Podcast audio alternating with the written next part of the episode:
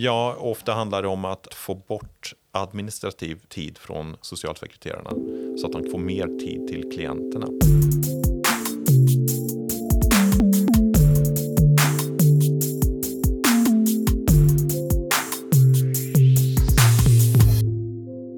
Hej och välkommen till det 33 avsnittet av FoU-podden. Det här avsnittet kommer att handla om NVD, det vill säga Noden för välfärdsteknik och digitalisering. Jag som gör podden heter Lena Stenbrink och är kommunikatör på FoU Sörmland. Och med mig här i studion har jag Anna Åkerberg och Karl Schultz. Varmt välkomna. Tack så mycket. Tackar. Börja med att berätta vad, vilka ni är och vilken roll ni har. Ja, jag heter som sagt var Karl Schultz och jag är projektledare för NVD. Eh, Och Anna Åkerberg, då, forskningsledare i NVD och jobbar tillsammans med Kalle. Eh, nu har vi ju haft en podd tidigare om just den här noden. Och även om eh, digitalisering och välfärdsteknik, flera avsnitt. Så eh, det kan ju ändå vara så att det finns några nya lyssnare. Så berätta lite snabbt vad, vad är noden för något? Eller vad är MVD? Ja, Noden är ett projekt på tre år som startade för drygt ett år sedan. Är det väl nu. Eh, Målet är att, att vi ska i länet nå ut snabbare med välfärdsteknik till medborgarna. Det är det slutliga målet så att säga. Eh, och det är ju ingenting vi klarar av att göra själva utan vi är en, en nod eller ett, ett nätverk, en nätverksfunktion för de kommuner som finns runt om i länet och Region Sörmland. Eh, så vi ska, liksom övriga FoU, vara en, en resurs för kommunerna och regionen i just välfärdstekniksfrågor och digitaliseringsfrågor. Och NVD bygger ju på en inventering som gjordes här under, var det 2017 som den gjordes? Eh, och där man såg det här behovet. Eh, och utefter det bildades den här noden. Vi kanske ska tillägga det också att eh, det här det pågår ju en massa arbete inom eh, digitalisering och digital transformation i kommunerna och regionen. Så det är inte så att, att vi kommer in och, och ska styra upp det här, utan det handlar ju framför allt om att, att samordna de här frågorna och eh, också se vad finns det för gemensamma intressen här. För det kan ju vara så att eh, man i olika kommuner håller på med projekt som är intressanta för andra kommuner. Man kan hitta samverkansmöjligheter och eh, också möjlighet till att eh, lära sig av varandra. Eh, Så det finns stora vinster tror jag att samverka i de här frågorna eh, och det på ett annat sätt än vad man kanske har gjort tidigare. Och det var väl en stor anledning till varför NVD eh, startades då för ett drygt år sedan.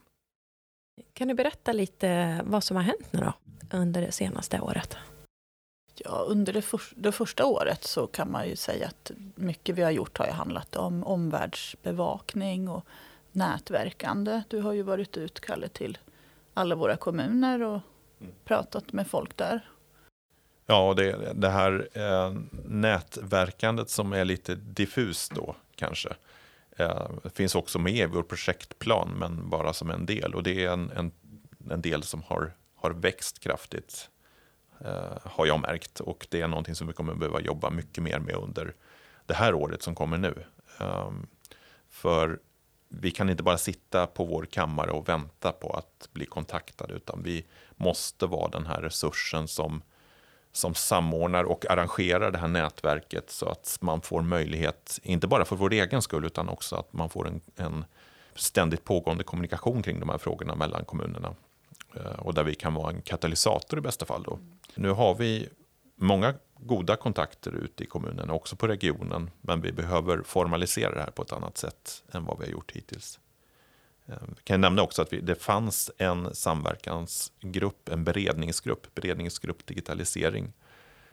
Ehm, som skulle funka lite på det sättet. Men, men eh, där har det skett en del eh, förändringar som gjort att vi har eh, pausat den gruppen. Och där kommer man ta ett nytt omtag och då kommer den gruppen kanske inte vara fullt lika relevant just som en samverkansgrupp för de här frågorna generellt då, ur, ur Nordens perspektiv. Utan där eh, kommer vi behöva jobba som sagt var med att eh, se hur vi kan hitta en, en formaliserad samverkan och en kontinuerlig eh, kommunikationskanal där alla kommuner eh, och regionen finns representerade.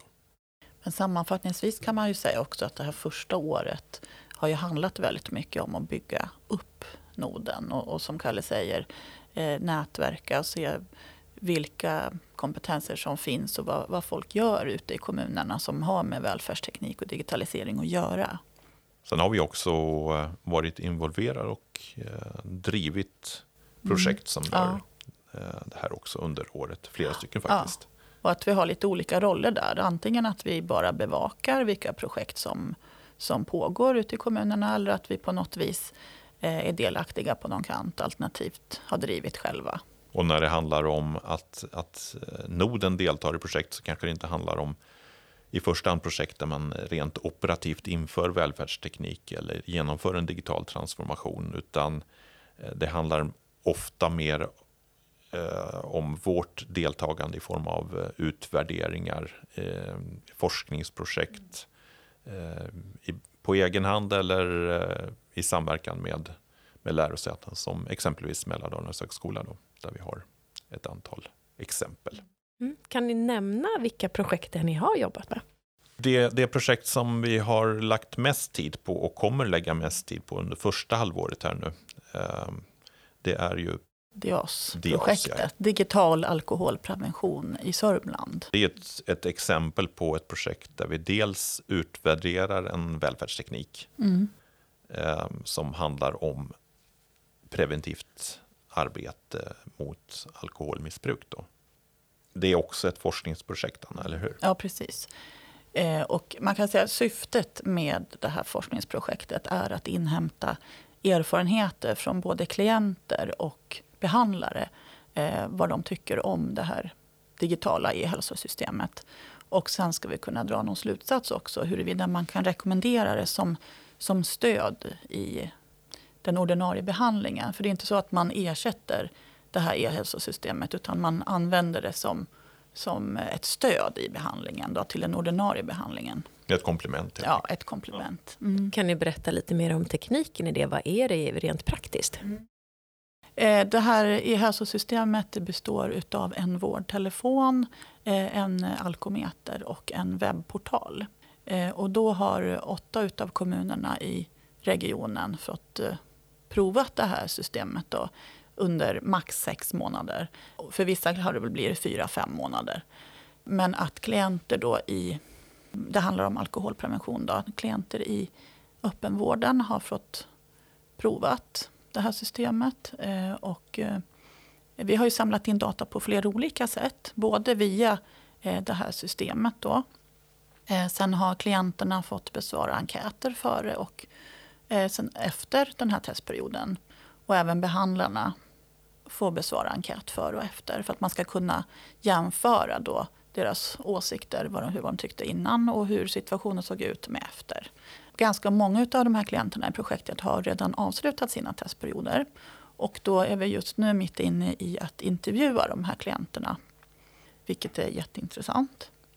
Och sen när, när, när alla klienter har avslutat sina testperioder så kommer vi också att göra fokusgrupper med behandlarna eller projektledarna för att kunna ja, rama in projektet. kommer vi ha lite preliminära resultat och vi kommer diskutera kring, kring det och få behandlarnas och projektledarnas då, eh, åsikter kring, kring det hela. Mm, men eh, mer konkret, hur har man använt den här alkomätaren och telefonen och vad var det tredje? En webbportal. Och webbportalen. Ja, så klienten har alltså eh, den här eh, vårdtelefonen, eller det är en, en smartphone helt enkelt, eh, som det är en app i. Och sen har de en alkometer. Och sen är det avtalade vissa tider som de ska blåsa varje dag.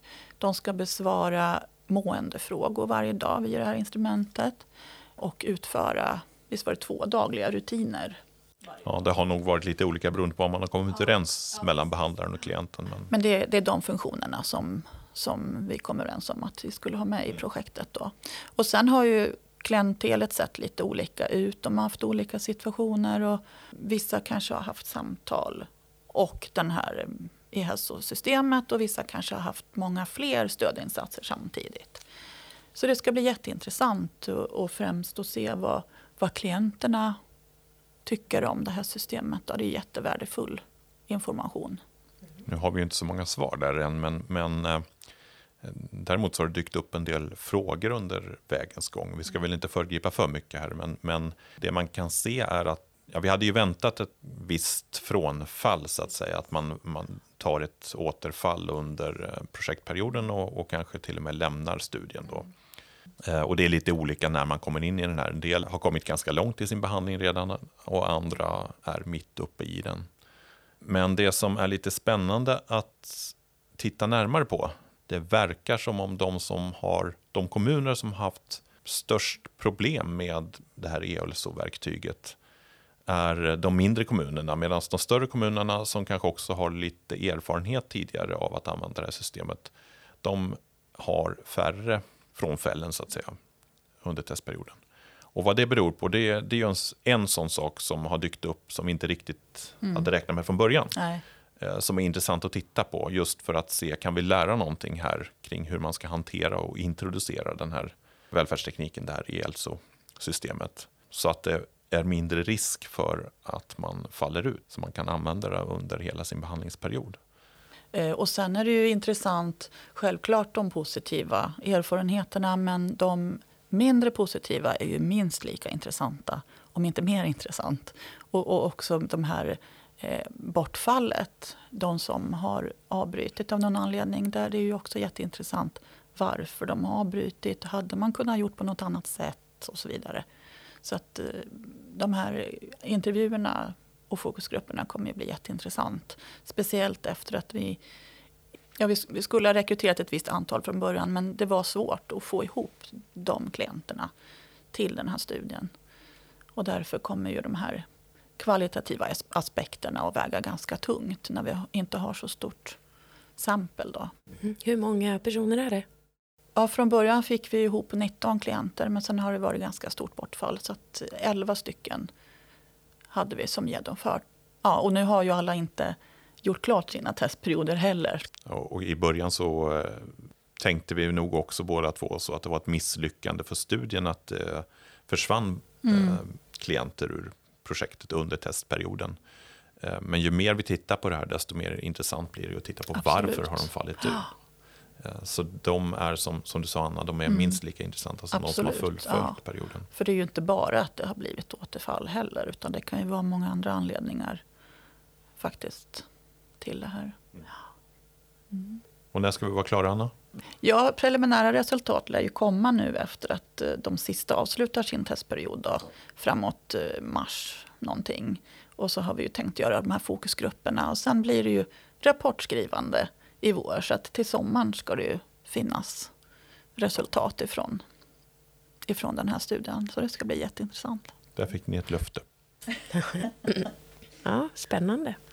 Då får vi väl återkomma när vi vet något mer. Absolut, gärna. Mm. Men det var ju fler projekt på gång också. Ja, ett annat projekt som drivs av Mälardalens högskola där vi har fått en allt större roll skulle jag säga. Mm. Det är Ibris, Ibris ja. mm. som vi också har pratat om tidigare. Vi har haft ett poddavsnitt om det Just projektet. Det. Um, där vi hade Lucia Cervani som är projektledare som berättade om det projektet. Uh, där har vi fortsatt att träffat alla projektdeltagare och uh, där är det väl me Mälardalens högskola och vi som är de som driver projektet och sen finns det projektpartner som är med och bidrar med sina erfarenheter och det är Eskilstuna kommun och det är Hjälpmedelscentralen. Och det projektet handlar ju om att implementera, alltså hur gör man ett lyckat införande av välfärdsteknik inom äldreomsorgen. Och det är också ett projekt där vi försöker fånga upp erfarenheter och skapa en kunskap kring det som man ska kunna återanvända. Jättelärorikt är det. Ja, mm. Eh, det har blivit mer och mer intressant skulle mm. jag säga ju längre Verkligen. det går. Um, och det vi gör nu är att vi har workshops tillsammans med Hjälpmedelscentralen i Eskilstuna kommun, representanter från Eskilstuna kommun, från chefsnivå ner till ja, de som jobbar mm. konkret med vården helt enkelt. Uh, där vi försöker samla deras erfarenheter och ta fram kanske inte en metod men ändå en, en, en process eller rekommendationer vad man bör titta på inför uh, inför ett projekt där man ska införa ny välfärdsteknik mm. inom äldreomsorgen. Ska jag säga då, för, det handlar om det. för det handlar ju om innovation där och själva nya processer. Ja. Mm. Vilket är väldigt relevant för välfärdsteknik, tänker jag, i, i stort. Mm. Och det är också ett projekt som kommer pågå åtminstone nu under, under våren. Eh, jag vet i förra avsnittet så handlade det mycket om den här webbsidan eller verktygslådan. Är det någonting som ni fortfarande jobbar med eller? Ja, det var ju egentligen ett projekt som föregick Ivris eh, och det är ju inte aktuellt att jobba vidare med eh, nu på det sättet. Nej, inte på det sättet. Nej.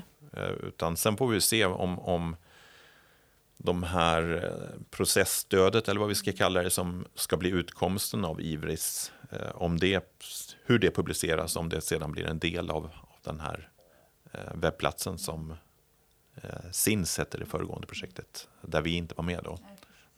Om det blir en del, om det går ihop så att säga, eller om det blir en, en helt annan produkt, det vet vi inte. Och eh, vi har också haft en podd om ett projekt som heter Stark. Mm. Det var också ett innovationsprojekt som Mälardalens högskola drev. Eh, det projektet är avslutat nu. Det var sånt här UDI steg 1.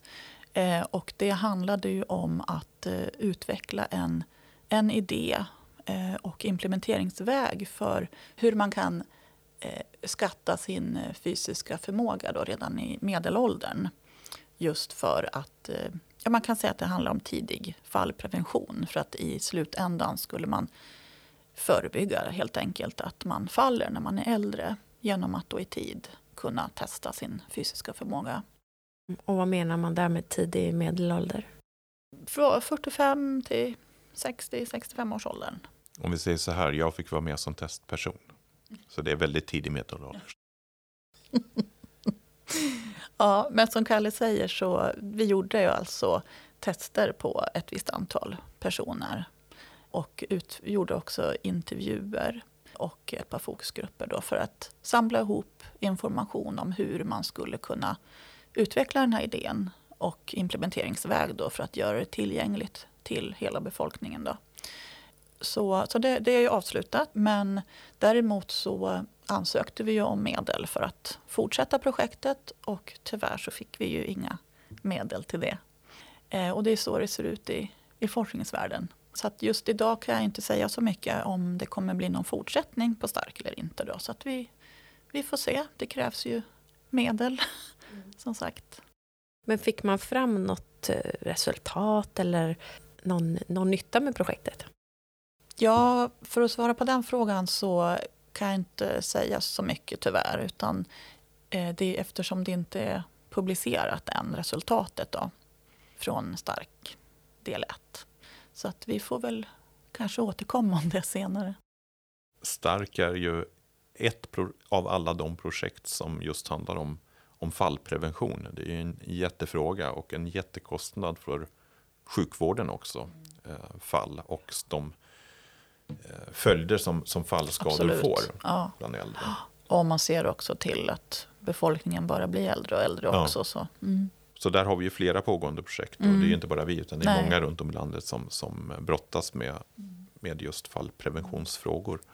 Um, men här på FoU i Sörmland så har vi också Otago-appen uh, som handlar om fallförebyggande träning genom en mobilapp mm. helt enkelt. Och den finns ju att ladda ner gratis ja. för Android-telefon. Så att det får vi rekommendera att folk gör. Mm. Och det var ju ett av de senaste avsnitten här vi hade också som handlade om det. Där även en man som har använt appen väldigt mycket mm. är med och berättar. Var det några mer projekt? Ja, vi har ju Molly också eh, som är ett utvärderingsprojekt som på ett sätt liknar Dias. Mm. Eh, men där handlar det om en helkroppsdräkt som ger elektriska impulser eh, och där syftet är att det ska minska muskelspasmer hos spastiker.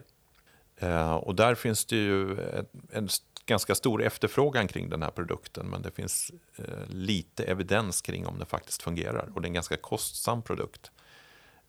Men det är klart att om den fungerar som den ska, tänkt att fungera, så är det ju en stor hjälp för de som faktiskt har problem med muskelsammandragningar, med, med spasmer. Och det, jag vet att det är många barnfamiljer exempelvis som efterfrågar det till sina barn. Eh, men just därför så är det också då viktigt att ta fram evidens på att det här faktiskt, den här dräkten faktiskt fungerar som den utlovas. Eller som det utlovas. Och då har vi ett pågående utvärderingsprojekt som leds av Marina Arkukangas här på FoU. Och där tror jag att det blir någon form av, det är tänkt att det ska bli en publicering av resultatet i mars månad. Mm. Och då kommer vi förmodligen också göra en podd, ett poddavsnitt om det projektet tror jag. Ja, men då är det lite saker på gång i alla fall. Hur ser det ut inför framtiden? Vad är planerna? Ja, vad är planerna? Vi har ju dragit lite erfarenheter av första året Mm. här. Det är Eh, mer vi har gjort förutom de här projekten också. Det är det. Kan man ju säga. Vi kan ju nämna Mycket några mer. saker till. Ja. Eh, Vi hade ju en inspirationsdag här i början på november som handlade om digitalisering inom socialtjänst med fokus på IFO. Och det var väldigt väl besökt evenemang där vi hade inbjuden gäst från Helsingborg som har mycket erfarenhet just om digitalisering inom so- socialtjänst. Kalle Pettersson eh, Ja. är det där som är... Det finns en podd om det också, eller hur? Just Ja, det, det precis. har vi. Där har vi också en podd som vi kan rekommendera Ja. om man vill fördjupa sig i det. Men eh, kort då så handlar det om, om digital transformation av socialtjänstens Mm. arbete, IFOs arbete ska jag säga. Som inte är helt lätt och där man genomförde ett projekt i Helsingborgs stad. Och där man drog vissa slutsatser kring att det inte är så lätt att göra. Det, det var möjligt att, att ta fram nya arbetsmetoder med digitalt stöd, men det var svårt att göra det här breddinförandet sen på IFO i stort. Eh, Och därför har man nu valt att gå vidare med ett nat- nationellt projekt där det är flera andra kommuner inblandade också. Så det projektet är inte vi involverade i, men kommer att följa det med stort Mm. intresse. Sen kan vi ju tillägga också att om man ser till digitalisering av välfärdsteknik så är det ju mer vad ska man säga, utbrett inom äldreområdet. Eh, men jämfört då med IFO-området så ser det lite olika ut. Det är ju inte samma förutsättningar. Ja, alltså i äldreomsorgen så har det ju varit dels en väldigt stark drivkraft. Eh, jag tror de flesta lyssnare här kanske känner till den här demografiska kurvan där eh, andelen äldre av befolkningen kommer att öka kraftigt de närmaste åren. Och där vi inte har eh, kanske de resurser eh, ekonomiskt men framförallt eh, manskapsmässigt eh, så har vi inte de resurserna att upprätthålla välfärden eh, inom äldreomsorgen som den ser ut idag. Och därför måste vi ta hjälp av, av ny teknik för att hantera det. Och då, det har det varit en väldigt stor drivkraft och därför har man jobbat ganska länge med välfärdsteknikfrågor just inom äldreomsorgen. Och det är också lättare att göra breddinföranden inom, väl, inom äldreomsorgen eftersom det ofta handlar om, om boenden till exempel. Det är en, eh, på ett sätt en mer homogen målgrupp än IFO som jobbar gentemot individer. Eh, och med väldigt olika typer av individer och olika typer av insatser.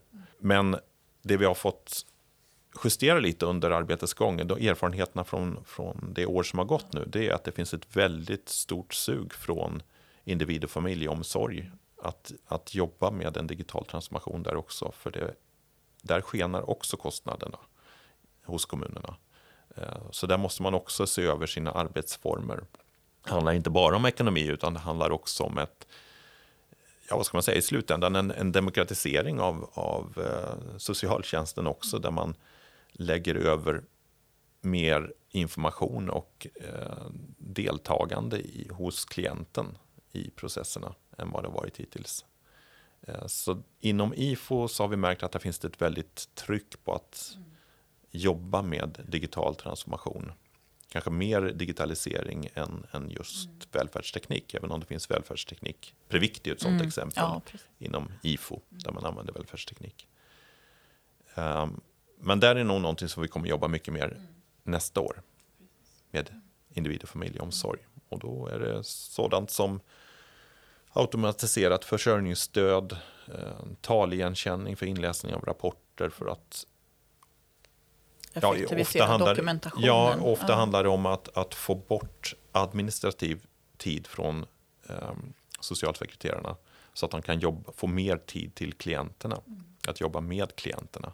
Men en klart övervägande del av deras arbetstid går åt till administration.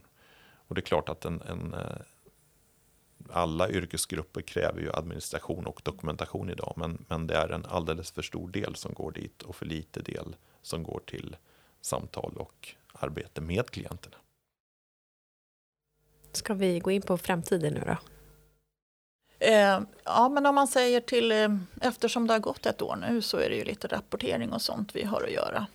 Så dels är det, fast det är ju sånt som ska göras ganska ja. omgående, för det handlar ju också om det som kommer ut från rapporten, där vi försöker dra slutsatser vad vi faktiskt har jobbat med under det här året. Det påverkar ju också den projektplan vi har att arbeta efter. Och som vi pratade om då, den här, ett visst skifte i fokus där vi jobbar mer mot individ och familjeomsorg än vad vi tidigare hade tänkt. Det är någonting som kommer att påverka vår aktivitetsplan för, för kommande år. Då. Vi har en, en eh, idé, nu är det mycket som är, är vagt här så det är inga löften, men, men eh, vi har en tanke kring att eh, köra fler inspirationsdagar. Precis, ja, som framåt vi gjorde våren. Någonting. Mm. Och en tanke är att om vi skulle, om det får lyssnarna gärna reagera på, om de tycker det är positivt eller inte, men att ha ytterligare en inspirationsdag med fokus på individ och familjeomsorg, där vi samlar ihop människor som har erfarenhet av att genomföra projekt med digital transformation inom IFO. Mm. Ja, vi var senast i, i förra veckan på MVTE, mm, som är den, en av de stora välfärdsteknikkonferenserna. Mötesplats välfärdsteknologi. Mm. Just det. Mm. Uh, och då lyssnade jag bland annat på Hallstahammars kommun som har jobbat med automatiskt försörjningsstöd och som hade väldigt mycket intressanta erfarenheter av det och taligenkänning också. Mm. Så en tanke är att om vi kunde dra ihop ett antal kommuner som har goda eller mindre goda erfarenheter av att genomföra en digital transformation av IFO och samla de erfarenheterna och ha en, en en fokusdag eller en inspirationsdag kring det här då vi bjuder in eh, kommunerna i länet. Det är en liten del och vi kommer förmodligen ha fler sådana inspirationsdagar under årets gång. Och är det så att man har önskemål om, om frågor vi skulle ta upp, vilja ta upp och sådär så, så är det bara att man hör av sig till, till mig eller Anna. Ja. Sen måste vi ju nämna bloggen också. Ja, just det. Eh, vi drog igång en blogg här i, var det i början på hösten. Mm efter semestern här. Ehm, där tanken är att vi ska, det är ett sätt att kommunicera ut ehm, de kunskaper vi får genom projekt eller de kunskaper vi får via andra kommuner i länet, att sprida information, att vara den här noden och kunskapsspridaren. Eh, så den bloggen får man gärna följa om man går in på FoUs hemsida. Ja, och det enklaste sättet att hitta den är ju att bara gå in på startsidan och sen söka, skriva blogg i sökrutan helt enkelt. Det går flera vägar, men det är det enklaste. Mm. Och vill man så kan man också få ett litet nyhetsbrev eh, som en liten påminnelse kommer en till en gång i månaden ungefär eh, med de sista nyheterna från bloggen. Då. Och då är det bara att man skickar sin, sin e-postadress till, till mig helt enkelt karl.schultz.fou.sörmland.se så lägger jag in er i sändlistan där. Ja, vad bra, då är det lite grejer i alla fall som händer. Det är, det är det definitivt och eh, det är väl kanske också någonting som vi bör fundera på efter första årets erfarenheter här. Att vi är inte vi har inte jättestora resurser utan det är Nej, jag precis. som jobbar på heltid som mm. projektledare och Anna som är ja, forskningsledare på ja, deltid. På 60 procent, ja precis. Och det, då handlar det också om att vi finns otroligt mycket att ta tag i. Eh, men vi måste prioritera. Och den, den prioriteringsordningen den är ju inte alldeles lätt att göra utan eh, där måste vi nog kanske ha en tydligare strategi för vad är det för projekt vi ska åta oss. När ska vi eller när måste vi ta betalt och när har vi egna resurser att faktiskt göra en, exempelvis en utvärdering. Ytterligare en fråga som jag tror kommer bli stor under kommande år, det är eh, det här med nära vård eller vård i hemmet. Som inte bara berör noden och välfärdsteknik och digitalisering, men det är ju en viktig del ändå av att kunna genomföra vård i hemmet. Att man har rätt utrustning, att man har möjlighet att kommunicera på distans och så vidare. Och där har vi ett projekt i, ja, i vardande kan man väl säga. Det finns kommuner som är intresserade och regionen är intresserad och det finns redan pågående projekt och det finns idéer om nya projekt och där ska vi försöka göra ett, ett eh, omtag och samordna de här projekten helt enkelt. Sen har vi en eh, konferens i sommar förhoppningsvis. I slutet på förra året så skickade vi in två konferensbidrag och det gäller Eh, European Social Services Conference eh, som är då en konferens som eh, genomförs av European Social Network. Så vi får se om det blir accepterat och det hoppas vi ju självklart. Så vi får komma dit och sprida lite information om vad noden är och vad vi gör. Sen finns det ju också nationella nätverk och konferenser som, man, som vi försöker att skicka in till så att vi... Det är jätteviktigt att det syns vad, vilka vi är och vad vi gör. Och att vi sprider det goda arbete som faktiskt pågår runt om i länet. Precis. Mm. Sen i, i höst så är det ju dags igen för den här välfärdsteknikmässan som vi också deltar i. Som är målgrupp äldre. Som vi var med på nu, eller vi har varit med på i två år hittills. Och som vi gör i samverkan med Mälardalens högskola, Och SPF, SPF. seniorerna. Mm. seniorerna ja, och eh, Eskilstuna kommun. Mm, precis. Mycket välbesökt mässa.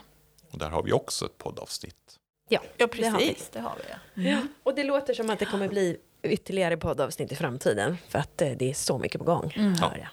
Och som Kalle säger, det är mycket som, som ligger i sin linda som man får se hur och när det blir och på vilket sätt det blir av. För det handlar ju också om finansiering och, och en del i det här är ju också att man måste hålla koll på utlysningar och, och när vi hittar då, eller om det poppar upp en idé och måste vi hitta samverkansparter och man kan söka medel och så. så att, för att se om det blir projekt då eller inte. Så att, mm. Ja, men det ska bli jättespännande att följa er.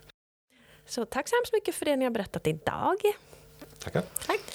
Och till dig som har lyssnat så vill jag säga tack för att du har lyssnat och hoppas att du även vill höra nästa avsnitt av FoU-podden som troligtvis kommer handla om äldre och nutrition. Ha en fin dag. Hej hej!